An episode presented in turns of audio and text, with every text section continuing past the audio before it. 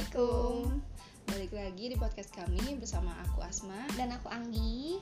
Di podcast ini kita akan membahas masalah seputar investasi keuangan, psikologi, dan isu-isu milenial. Ya. Oke, langsung aja kita masuk ke episode hari ini. Hari ini kita mau bahas apa, Nggi? Hari ini kita bahas sesuatu yang lagi happening, guys. Eh, apa tuh? Eh, yang lagi naik kayaknya Oh. ini banyak banyak untungnya nih yang udah invest ini dari kemarin-kemarin ya mas sebelum harganya naik. Hari ini kita akan bahas tentang investasi emas. Ya, investasi emas yang ya. Kalau misalnya kita perhatiin ya, eh, kayaknya eh, orang-orang tuh sekarang lagi banyak tuh yang nyari emas. Nah, Ya benar kira-kira sebenarnya ada kejadian apa nih tentang emas ini? Ya, jadi kalau teman-teman perhatiin ya untuk eh, apa investasi emas nih di hari ini itu sudah tembus di atas satu juta. Wow. Nah, itu tuh emang eh, investasi emas itu akan berkebalikan dengan investasi di pasar modal. Nah, kalau pasar mo- biasanya nih kalau misalnya harga saham lagi turun, biasanya harga emas itu malah cenderung naik. Hari ini nih update-nya itu kalau kita lihat di website Antam per hari ini tanggal berapa Mas hari ini? tanggal lupa tanggal. Tanggal 7 kalau salah. Iya, kayaknya hari ini tanggal 7 Astagfirullah ya kita tuh nggak hafal Tanggal oh, tanggal 9 Astagfirullah. tanggal 9 tanggal 9 Agustus itu per hari ini di website Antam untuk pembelian eh, emas itu udah mencapai satu juta lima ribu. Wow. tapi memang kalau misalnya kita lihat nih harga jualnya mungkin belum se belum se naik itu ya. Masih di angka 946 ribu. 954 954 ribu. Nah tapi nanti eh, ya nanti kita bahas lagi ya. Ya, ada jadi- apa nih ketika dijual tuh? Ada biaya apa lagi? Gitu. nah iya benar. Oke. Terus untuk sekarang kita masuk ke bahasan emas. Kenapa harus investasi di emas Nah, ya balik lagi ya, kalau misalnya mau investasi itu pasti harus ada tujuan. Kenapa sih harus investasi di emas? Nah, mungkin teman-teman eh, bisa cari tahu nih ya, bahwa sebenarnya emas itu dia eh, ada yang sebut juga bukan sebagai investasi ya, tapi Hmm. juga sebagai safe haven. Jadi dia itu sebagai lindung nilai atau eh, jadi investasinya itu secara eh, apa ya lebih aman. Karena secara fisik kita bisa pegang eh, apa bendanya langsung. Beda kalau misalnya kita investasi di saham atau misalnya reksadana atau di eh, produk-produk pasar modal. Karena kita nggak bisa lihat nih fisiknya kayak gimana. Jadi dia lebih cenderung aman. Dan kemudian selain itu kita juga eh, kalau misalnya ada kebutuhan yang mendesak nih yang kedua itu dia mudah dicairkan jadi kapan pun kita butuh kita bisa langsung dapetin eh, apa dananya gitu. Karena kayaknya gampang ya jual emas di toko emas pun banyak gitu yang eh, bisa dijadiin referensi kita buat jual emas di situ. Kemudian yang ketiga untuk investasi jangka panjang eh, emas ini cenderung naik. Hmm. jadi jangan apa ya jangan takut untuk eh, apa ya, istilahnya nyimpan uang di emas. Karena untuk jangka panjang cenderung naik. Catatannya adalah jangka untuk panjang jangka panjang. Nah, iya. berarti kalau misalnya eh, niatnya emang mau dicairin dalam jangka pendek misalnya bulan depan mau dipakai lebih baik jangan di emas yang dia. Ya karena balik lagi tadi di awal kita bilang ya bahwa per hari ini harga jualnya mungkin naik ya satu juta lima ribu. Tapi untuk harga jual sendiri masih di angka 954 ribu. Jadi artinya ada spread harga ada eh, apa istilahnya itu perbedaan harga antara harga jual dan harga beli. Jadi teman-teman mungkin kalau beli sekarang di atas satu juta tapi kenapa kalau ketika dijual malah jadi rugi? Nah Hmm. Jadi salah satu eh, yang harus dipertimbangkan untuk investasi emas itu ketika kita awal beli itu aset kita tuh udah berkurang sekian persen otomatis gitu. Oke Hmm. kalau misalnya kita belinya satu gram ya ya, betul bayangin kalau kita belinya satu kilo, nah satu kilo gapnya itu, gede banget gitu. Nah itu tuh udah langsung mengurangi nilai aset kita ya ya, nilai betul. yang kita kumpulin gitu. Eh, ketika itu juga ketika akad beli nih deal gitu beli nah ketika itu juga harganya ketika dijual lagi itu langsung berkurang Ya ada spread ya mas Oh. istilahnya tuh ada perbedaan harga. oke Mungkin eh, tadi udah kita bahas kenapa nih. Mm. Nah terus sekarang coba bahas deh kenapa apa apa aja jenis-jenis investasi Mm. emas yang mungkin kalau kita eh, yang awam tahunya cuma secara fisik aja ya. nah ternyata ada ada jenis lain mungkin mani coba jelasin Oke, kalau misalnya untuk investasi emas nih, untuk saat ini ya, itu ada beberapa jenis, ada dua e, lebih tepatnya. Nah, untuk jenis yang fisik mungkin teman-teman udah tahu ya. Kalau jenis yang fisik itu e, kalau yang terkenal itu ada dua. E, kita bisa beli di Antam atau enggak di UBS ya. Mm-mm, jadi ada gerai ya ada semacam Hmm. toko ya yang Ada gerai-gerainya, biasanya di tiap kota besar sih ada gitu. Hmm. Nah, itu kita bisa beli di sana. Kemudian kalau misalnya eh, apa namanya secara digital itu kita bisa eh, banyak sih sebenarnya untuk platform yang khusus kayak misalnya pegadaian itu juga ada itu yang khusus. Kemudian ada aplikasi khusus ya jadi pegadaian bukan bukan kantor pegadaian Heeh, tapi memang buat jual beli emas gitu. Hmm. Kemudian eh, ada lagi semacam aplikasi startup gitu kayak Tamasia dan lain-lain gitu ya. Kemudian juga di marketplace juga ada, di Tokopedia ada, di Bukalapak ada. Nah, gitu. Kalau misalnya kita ini kita berbicara tentang jual beli aja ya, belum ke hal-hal lainnya gitu. Nah, itu secara digital gitu ya. Eh, dan cenderung gampang juga gitu. Eh, sama kayak pas kita beli reksadana, itu kita tinggal beli eh, apa install aplikasi, kemudian kita sediain eh, nominal sekian yang kita mau belikan ke emas di e-money atau Hmm. misalnya di bank juga bisa kemudian ya udah kita beli gitu.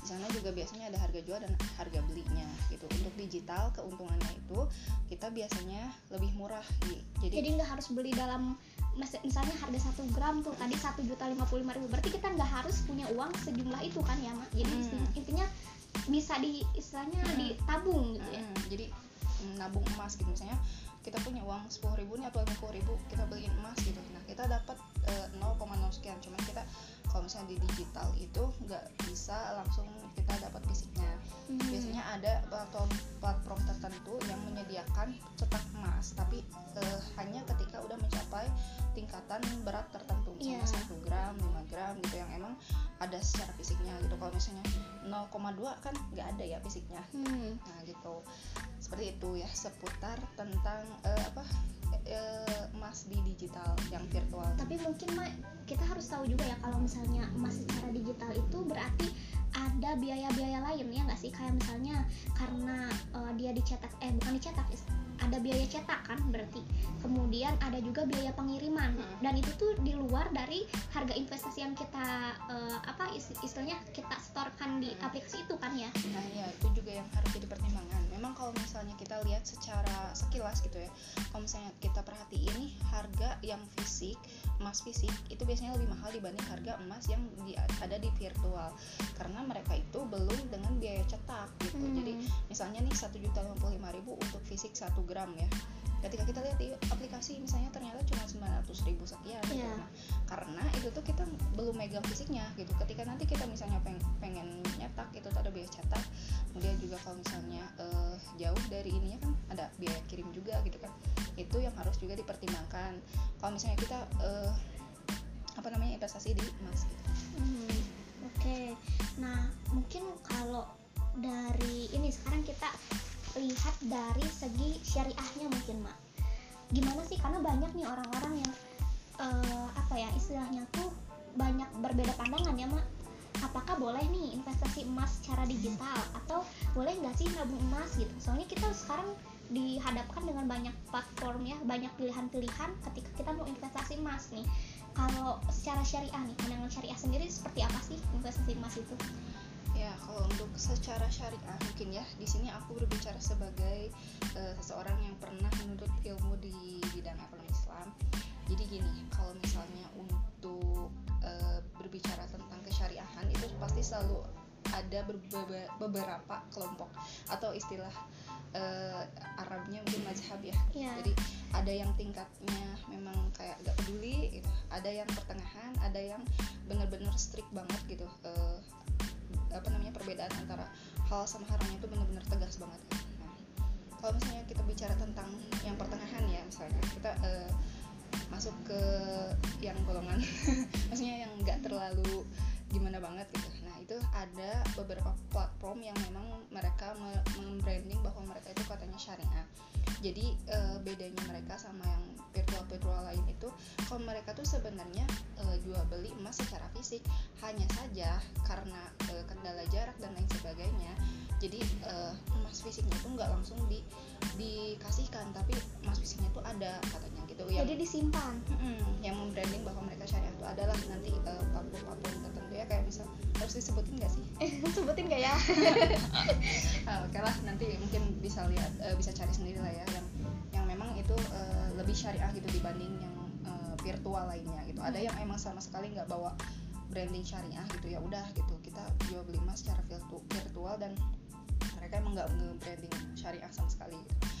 Kemudian ada yang emang bener-bener uh, strict banget ya kalau misalnya untuk yang ini teman-teman harus tahu jadi dasarnya uh, jual beli emas itu memang kita itu ada hadisnya secara khusus yang yeah. kalau untuk emas itu memang jual belinya itu harus secara tunai gitu hmm.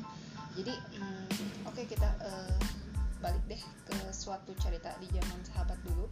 Jadi pernah ada suatu transaksi antara sahabat Tolhah dan saya lupa lagi satu lagi namanya. Pokoknya di sana itu ada Umar bin Khattab. Hmm. nah ketika itu uh, salah satu dari antara Tolhah dan sahabatnya satu lagi itu menawarkan siapa yang punya dirham? katanya. E, saya mau tuker ini dinar sama dirham kemudian si sahabat yang kalau saya yang Tolha bilang tuh gini sahabat Tolha radhiyallahu anhu bilang katanya e, sama aku aja tukerannya gitu. Bahasa sederhananya. Nah tapi e, dinarnya serahin ke aku sekarang tapi aku nggak bisa nih kasih dirhamnya sekarang soalnya e, dirhamnya dibawa sama pembantu aku. Jadi nanti aku serahin peraknya atau dirhamnya itu nanti setelah pembantu aku datang. Jadi ada nggak secara langsung ya berarti ada jarak waktu antara uh, apa ketika emasnya diberikan dengan ketika dirham eh, apa tadi uh, dirhamnya. dirhamnya diberikan uh. jadi ada pertukaran yang tidak secara langsung gitu uh, ya mak itu nah kalau misalnya kita uh, apa ya koneksiin atau misalnya relatein dengan kondisi di hari ini berarti kan kita tukerannya antara emas sama uang gitu ya. Hmm. bedanya kalau tadi kan dinar atau emas sama dirham sama perak gitu ya. Nah kemudian ketika kejadian tadi Umar itu mengingatkan kalau misalnya hal kayak gitu tuh nggak boleh. Kalau misalnya pengen sekarang ya udah berarti dirhamnya harus ada sekarang kalau misalnya gak bisa sekarang ya udah emasnya balikin gitu. Nah itu diriwayatkan oleh hadis riwayat muslim. Jadi emang nggak bisa nggak boleh kalau secara syariat yang emang nah itu sahih yang dia hadis riwayat hmm. muslim soalnya. Seperti itu gitu. Nah itu balik lagi ke preferensi teman-teman. Nah, di sini kita cuma uh, apa ya menjelaskan sedikit yang kita tahu ya dia iya betul. Gitu. nah oke okay, kalau misalnya tentang syariah uh, kurang lebih kayak gitu. Jadi kalau bisa jangan uh, apa namanya yang emasnya itu nggak bisa langsung kita terima gitu tapi harus secara tunai dari hmm. berarti dari dari uh, kesimpulan kayak gitu berarti kita lebih preferensikan lebih rekomendasikan ke emas yang fisik yang dia ya tapi mungkin kalau misalnya ada nih misal nih hmm. teman-teman misalnya ada ada yang tahu nih hmm. beli di platform tapi bisa langsung sih hari itu juga dicairin mungkin boleh ya mak iya. boleh juga ya kayak gitu nah mungkin juga nanti ada pendapat lain mungkin misalnya teman-teman punya pendapat oh saya ternyata tahu tahu hadis ini dan misalnya itu relate dengan uh, apa namanya jual beli emas di di akun digital yang ini gitu ya misalnya hmm. ya itu silahkan ya terserah gitu cuman kalau misalnya uh, dari saya pribadi dan juga ya kami itu lebih rekomendasi ke yang fisik gitu hmm. kemudian oke okay, uh, untuk selanjutnya apa nih tips-tips uh, buat